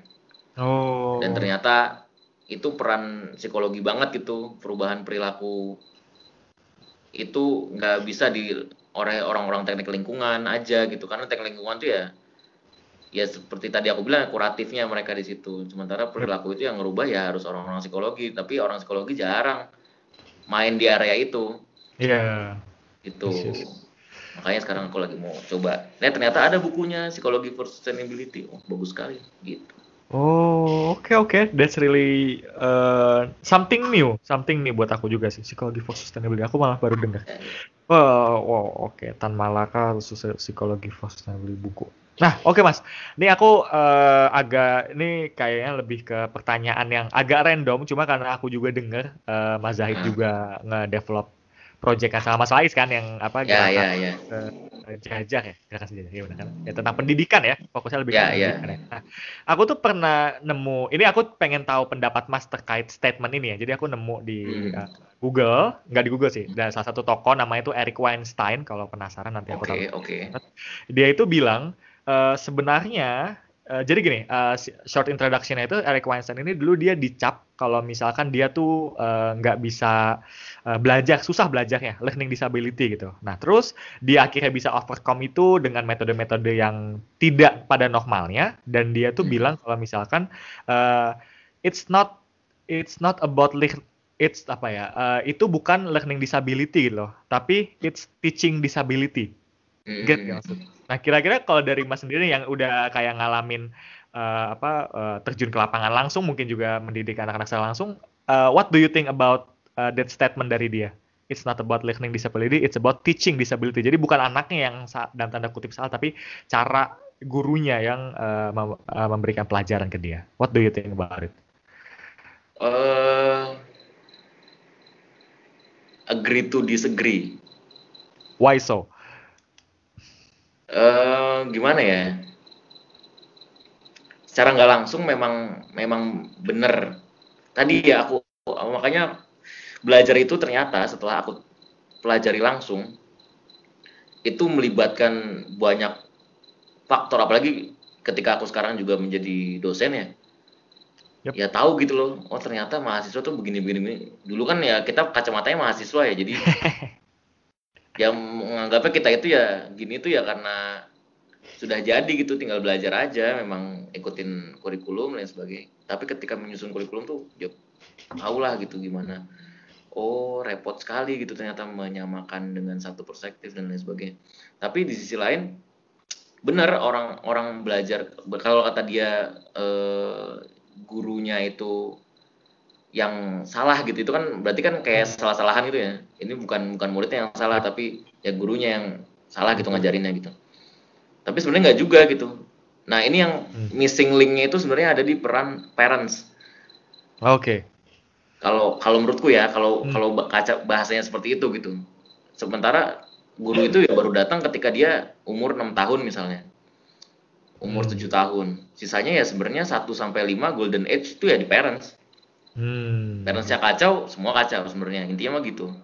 Jadi kalau menurutku satu itu parents dan kedua ya tadi yang sempat aku singgung gitu uh, nutrisi gitu gizi makanya dua itu yang kalau menurut aku penting juga yang akhirnya menjadikan anak ini pintar apa enggak gitu sisanya guru itu cuma nganterin doang sebenarnya nuntun doang guru itu bukan bukan pemeran utama kalau menurut aku makanya konsep belajar dari rumah sekarang ini eh, tiba-tiba kan semua orang tua menyadari tuh oh ternyata tuh aku punya fungsi untuk mengajar itu baru sekarang nih setelah Oh. mereka di, anak-anak disuruh pada belajar di rumah mandiri kebanyakan orang tua protes akhirnya Iya. aku udah bayar mahal-mahal belajar tetap harus didampingin orang tua gitu padahal orang tua mau nyari duit itu kan hakikatnya orang tua yang harus jadi guru sepanjang hayatnya dia gitu loh. Bagi si anak ini gitu nah missing linknya mungkin di situ yang ya mulainya ya sebenarnya bukan dari teacher tapi dari parents parents Hmm. baru eh, teacher gitu teacher dia cuman cuman nuntun doang dia tuh cuma nuntun doang tapi yang bener-bener ngarahin yang bener-bener eh, bisa ngerangkul itu ya si orang tua itu kalau menurutku Yes, yes, yes, yes. Oke, oke. Oke, I just want to know your opinion sih. Soalnya Oke. juga pa- pas aku dengar juga maksudnya karena dia kan dalam tanda si Pak Eric Weinstein ini dulu dicap tuh dia itu ya uh, learning disability gitu loh. Nah, cuma setelah Hmm. dia kayak eksperimen sendiri jadi cara belajarnya beda lah pada da- pada umumnya terus dia malah sekarang jadi kayak PhD-nya di matematika, fisika sama apa gitu terus kayak wow. Jadi jadi dia kayak ca- Ya, ya, uh, ya. bukti kalau misalkan ya it's not about learning disability, it's about teaching disability. Ya, makanya dia bilang lebih ke ya masalah ya ya tapi bener sih kalau kalau dia track record ternyata kayak gitu berarti emang kan akhirnya dia menemukan cara belajar sendiri kan Hmm, hmm. nah berarti ya bener gitu guru tuh ya cuma nuntun aja gitu loh Yes. pada akhirnya si anak ini yang menemukannya sendiri gitu jadi Hmm. poin ketergantungan makanya aku sih setuju banget sama si Nadim ya sekarang makanya merdeka belajar tahu kan ya pasti Iya. setuju aku bagus Oke. Setuju. Bagus ya. Pemerintah bagus. Bagus. itu. Yes, oke. Oke, nah terus tadi sempat Mas Zai juga sempat nyebut nih kalau misalkan tadi eh, baru apa eh, pas jadi dosen ngerasa nih susah ya nyusun kurikulum atau Hmm. segala macam gitu. Nah, Hmm. mungkin eh, aku tiba-tiba kepikiran mau nanya ini cuma mungkin jawabannya eh, mungkin jawabannya itu masih terlalu dini karena kan Mas Zaid juga baru ya ya ya betul dosen ya, tapi aku pengen tahu aja sih apakah Mas Zaid bisa membaca eh, bisa menjawab ini atau enggak. Apakah Mas Zaid itu dalam sejauh ini menjadi dosen tuh eh, memiliki udah nemu cara ngajar yang paling optimal? belum kalau aku Belum. karena dan ditambah kondisi pandemi ya Yes, ya, ya, oke. di mana kita ngajar online Ya. susah jujurnya ngajar online tuh karena kita nggak nggak nggak bisa mengevaluate langsung si anak ini ngerti apa enggak dari gesture mimik karena semuanya off cam kalau di on cam internet down Oh. pelajarannya nggak nyampe kan susah juga. Akhirnya ya via suara kan nggak ngerti juga. Pakai quiz quiz juga nggak bisa optimal gitu. Tetap tatap muka tuh sebenarnya yang terbaik. Yep. cuman ya kita berharapnya ya ya sekarang bener-bener nothing tulus aja gitu. Kalau sekarang gitu kita pokoknya tugas masing-masing gitu. Murid Hmm. atau mahasiswa tugasnya belajar dosen tugasnya memberikan pelajaran gitu. Hmm, hmm. tapi ya itu jadinya evaluasi itu apakah cara pengajarku efektif apa enggak atau eh, dan lain sebagainya gitu itu jadinya kurang kurang bisa dilihat Kurang. secara kasat mata gitu ya mungkin kelihatannya paling baru pas nanti UTS dan lain sebagainya Hmm. cuman itu juga nggak bisa mengamati langsung ya jadinya Iya, betul. nggak tahu gitu loh Oke, cara oke. belajar yang ideal pun secara online tuh aku masih belum tahu gitu online soalnya Ya. tanda kutip online ini Oke. Yes, yes, yes, yes. Aku itu juga masih jadi apa ya? eh, suatu hal yang perlu dieksplor juga sih. Maksudnya ya, Iya, iya. karena yang paling eh, apa? Alat yang paling memungkinkan untuk belajar ya sekarang internet gitu. Tapi sekarang pertanyaannya kalau nggak on cam gimana? Tadi misalkan tadi kalau on cam jaringannya down atau segala macam ya optimalnya gimana ya? Ya we still struggling sih Iya. ya. Dengan harapan Makanya. pandemi bisa cepat kelar ya. Oh, iya betul. ya itu doang Oke. Sih, sih, sih. Oke oke ke next question. Udah udah agak-agak santai sih pertanyaan. Jadi kan tadi udah ngomongin buku tuh sama film juga ya. Eh, Ya, ya. Apa film favorit, buku juga life changing. Kali aku penasaran sih, tapi aku aku lebih cenderung Mas Zahid akan Hmm. jawab eh, nggak pernah nonton sih. Tapi Mas Zahid pernah nonton drakor gitu nggak sih? pernah Oke, apakah ada drakor favorit? eh tidak ada Tidak ada. Oke. Ya, drakor ya ses- sama kayak yang tadi aku bilang ya aku Iya. yang aku tonton itu yang ceritanya ringan Visual. dan visualnya bagus. nah, jadi- drakor itu kan cakep-cakep, Mas. Ya, Ya, betul. Ya nggak salah, bener. ya benar, benar, ya benar, benar, benar, benar. Jadi aku carinya yang cakep-cakep Hah? dan ceritanya bagus, udah gitu doang. Apa apa dulu yang pernah ditonton kalau boleh tahu? eh Dots, tahu Dots? Descendant of Oh, the This Sun. is Another Sun. Oke. Ya, itu drakor pertamaku juga diracunin sama orang, sama temenku. Terus sisanya yang enteng-enteng kayak Oh My Go- Ghost. Hmm. Oh my- kalau kamu tahu tuh, itu itu enteng banget itu. Terlalu ya? enteng. Oh my gosh. Oke, oke. On my list. Oke, on my gosh. Habis itu eh Goblin itu tontonan Oh. sejuta umat tuh ya. Iya, iya, benar, benar, benar. Go- Goblin terus habis itu satu lagi tuh apa ya? Strong Woman kalau kamu tahu. Hmm, aku baru tahu tuh. Strong Woman. Ya. Mas pernah nonton Itaewon Class nggak sih? Nggak, nggak nonton. Kenapa? Itaewon? Class, Reply Ah. 988, Reply 988. Ah. Nggak, nggak nonton aku. Coba cobain Itaewon Class deh. Coba aja kalau lagi free deh. Bagus Nggak, kok, nggak, menurut gue. Oh, kenapa? Why? Why? Why? Aku pernah terjebak di situ gitu. Oh. Kalau aku sih ya merasa nonton Hmm. drakor tuh kayak oh my god, it's my time gitu. Karena tapi aku lakukan terus. Oh, iya iya iya. Kayak nonton satu episode habis itu iya apaan sih lanjutannya? Apa? Iya iya iya iya iya. Lanjut nih, nonton nonton nonton. Tahu-tahu udah berapa hari gitu nonton ini terus maraton Iya. gitu kan. Terus kayak ih anjir waktu gua habis cuma buat gini doang terus merasa menyesal gitu. Terus akhirnya sampai sekarang ya berusaha untuk ngerem gitu.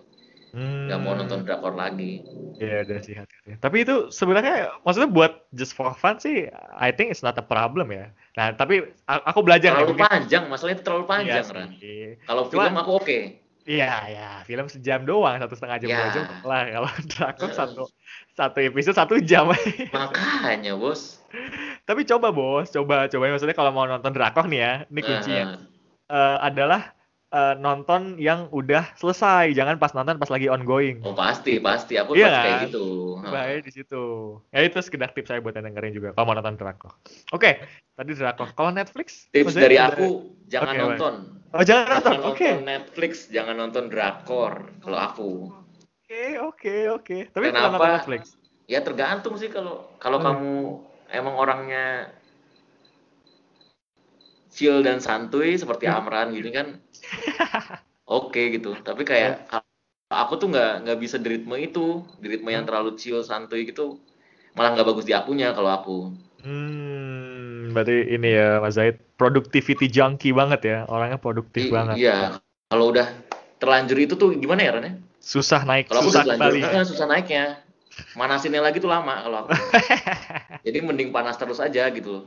Oh, Oke oke oke. Noted noted.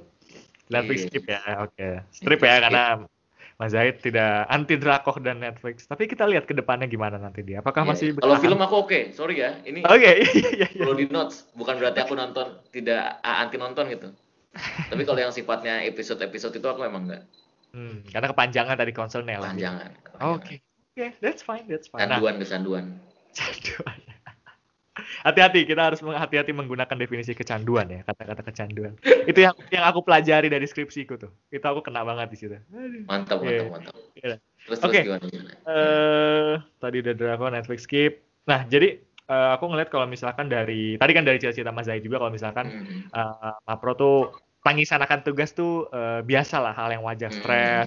Yang wajar gitu. Nah, apakah Mas Zahid itu punya suatu kebiasaan dalam keseharian yang dilakukan eh, untuk tetap dalam tanda kutip tetap stabil biar bisa Hmm. menghadapi tekanan dari Mapro itu?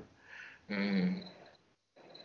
Kalau aku tipsnya, eh kalau aku sih lebih ke mengenal diri karena aku kebetulan bisa ngecharge di dua kondisi ya, di kondisi Oh. sendirian dan di kondisi ramai-ramai. Jadi ya aku begitu tahu aku lagi down parah gitu. Maksudnya lagi capek-capeknya, eh, eh, energiku habis, aku harus ke mana tuh tahu. Misalnya Hmm. suatu kondisi aku habis eh, intake gitu seharian Hmm. kasuistik tadi yang saya aku bilang ya. Hmm. itu bener-bener kan waktu dengan orang lain gitu ya ya besoknya tuh aku ambil waktu untuk ngecharge sendirian gitu nggak ketemu orang dulu, Hmm. sendiri, masak sendiri gitu, masak-masak gitu, ngelakuin apa yang disuka dan lain sebagainya.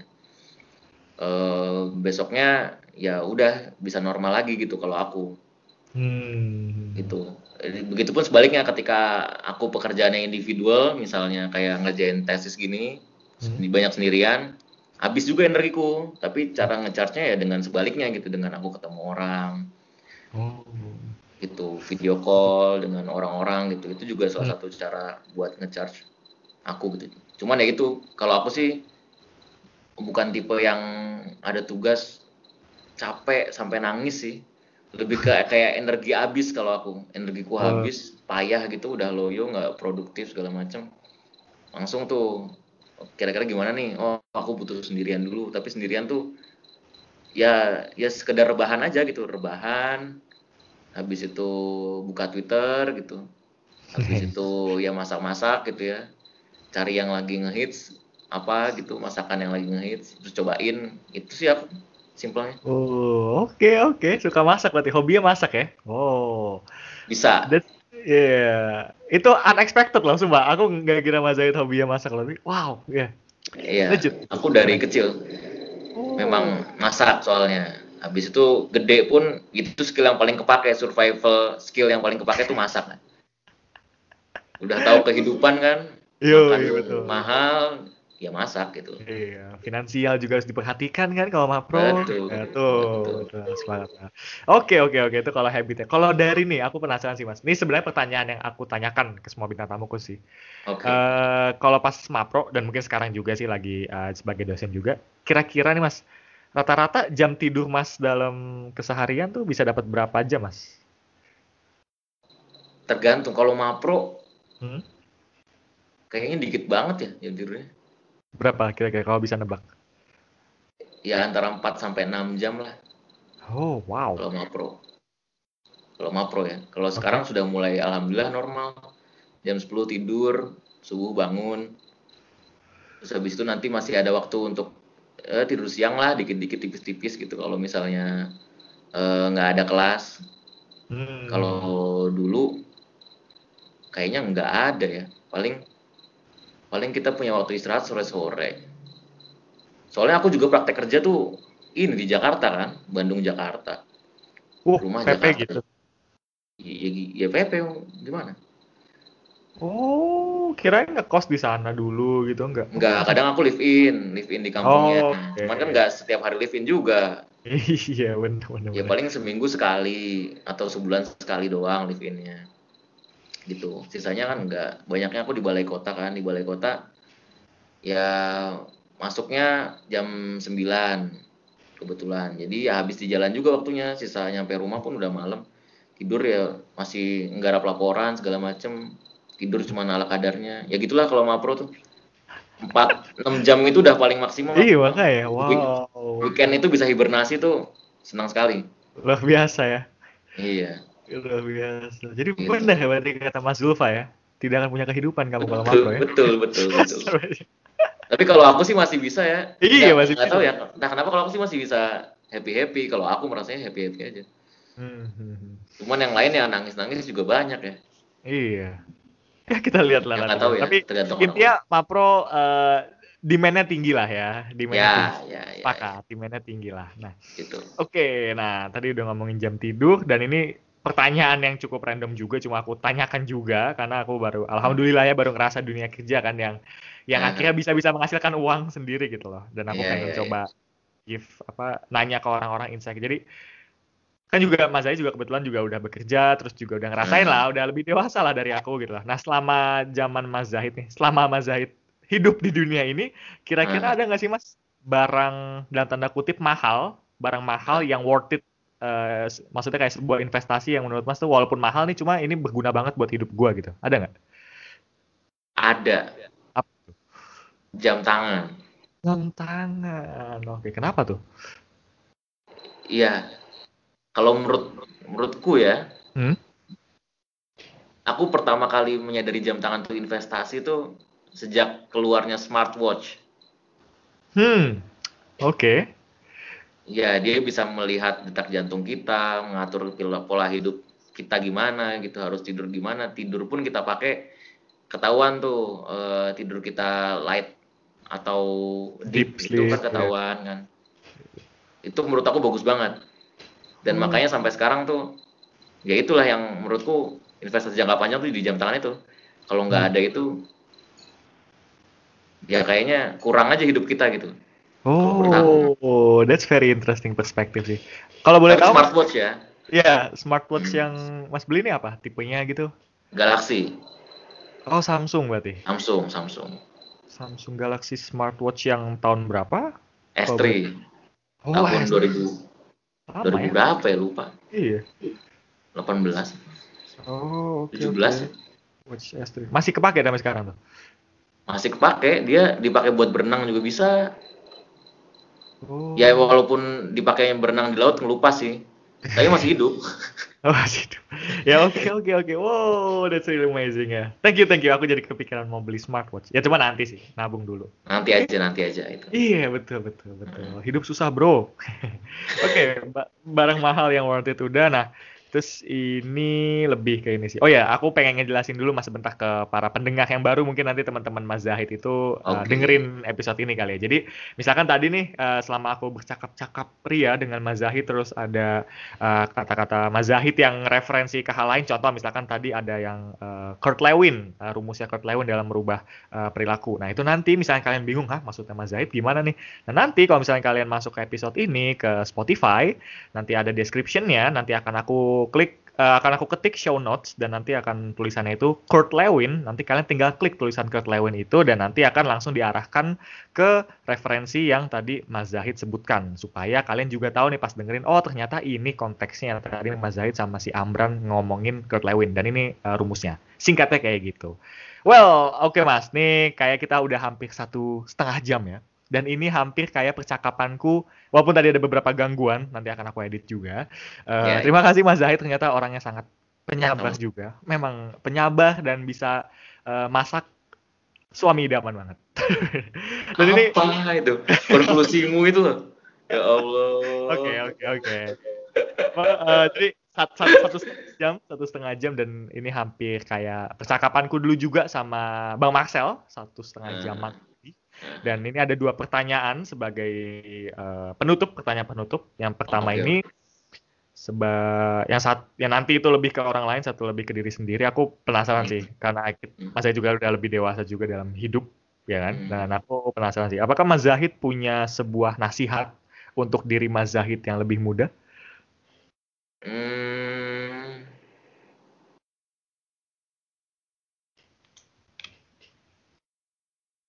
apa ya nasihat untuk aku yang lebih muda? Mungkin lebih percaya diri ya. Hmm. Itu aja. Lebih percaya diri. Iya. Oh. Saat aku masih muda. Oke. Okay. Gitu. Karena lebih aku baru mengenal percaya diri itu ya pas udah kuliah gitu loh. Pas jadi kabem.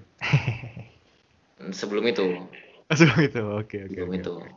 Tapi ya terlambat gitu loh. Aku tuh kalau mungkin aku lebih percaya diri mungkin aku bisa performnya ya dari kecil gitu cuman aku pas dari kecil sampai ya bahkan kenapa aku tadi bilang insecure hmm. aku nggak bisa ngambil beasiswa gitu ya aku merasa bodoh gitu loh hmm. ya karena aku nggak percaya diri gitu hmm. aku aku tuh bisa sampai kayak gini ya karena nggak percaya diri sebenarnya aku nggak percaya kalau ilmuku udah cukup gitu yeah. ya mungkin wow Yes, yes, yes, yes, yes. Ya, mungkin itu yang mau aku kasih ke tapi ya ini kayak sisi yang positif negatif ya gitu. Yep, yep. Jadi tapi tapi mungkin kalau aku lebih percaya diri pas saat kecil juga impactnya justru lebih bagus. Mungkin. Mungkin. Yes, ya. who knows tapi ya. That advice. Wow, that's a really great advice. Lebih percaya diri.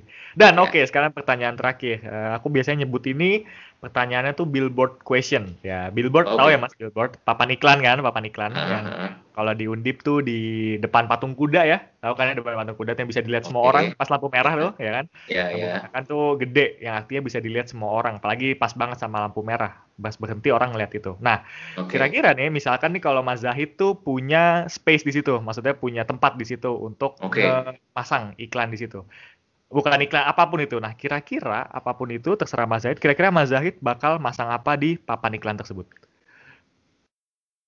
Masang apa? Hmm. Aku nulis nomor teleponku di situ. Kenapa? Biar orang-orang bisa menghubungi aku. Supaya? Aku nulis nomor teleponku dan keahlianku. Oh. Udah. Supaya oh, orang kenal aku, kalau butuh aku telepon di situ. Kenal aku, nggak kenal aku, silahkan telepon aja gitu. Terserah. Uh, uh. tapi yang jelas aku pengen intinya sih aku pengen bermanfaat bagi orang. Hmm. dan aku tidak membatasi siapa si miskin si kaya segala macam. Hubungi itu gitu. Oke. Okay. oke. Okay. walaupun cuma singkat tapi that's a deep philosophy ya. That's a yeah. deep. Wow yes. Oke okay, then I think that's a really great place to stop. Uh, terima kasih Mas Zahid sudah datang ke Chill Boy Show. Terima kasih juga telah bersabar dengan gangguan-gangguan yang tidak pernah terjadi sebenarnya. Will, betul. Stay chill everyone. Oke. Okay. Sekali lagi terima kasih Mas Zahid ya. Terima kasih Mas Zahid uh, atas waktunya. Dan semoga apa yang kita omongkan di sini bisa memberikan insight dan juga bermanfaat bagi para pendengar. Dan untuk amin, yang mendengarkan, I hope you love the show and see you in the next episode. Ciao. Bye-bye. Bye-bye.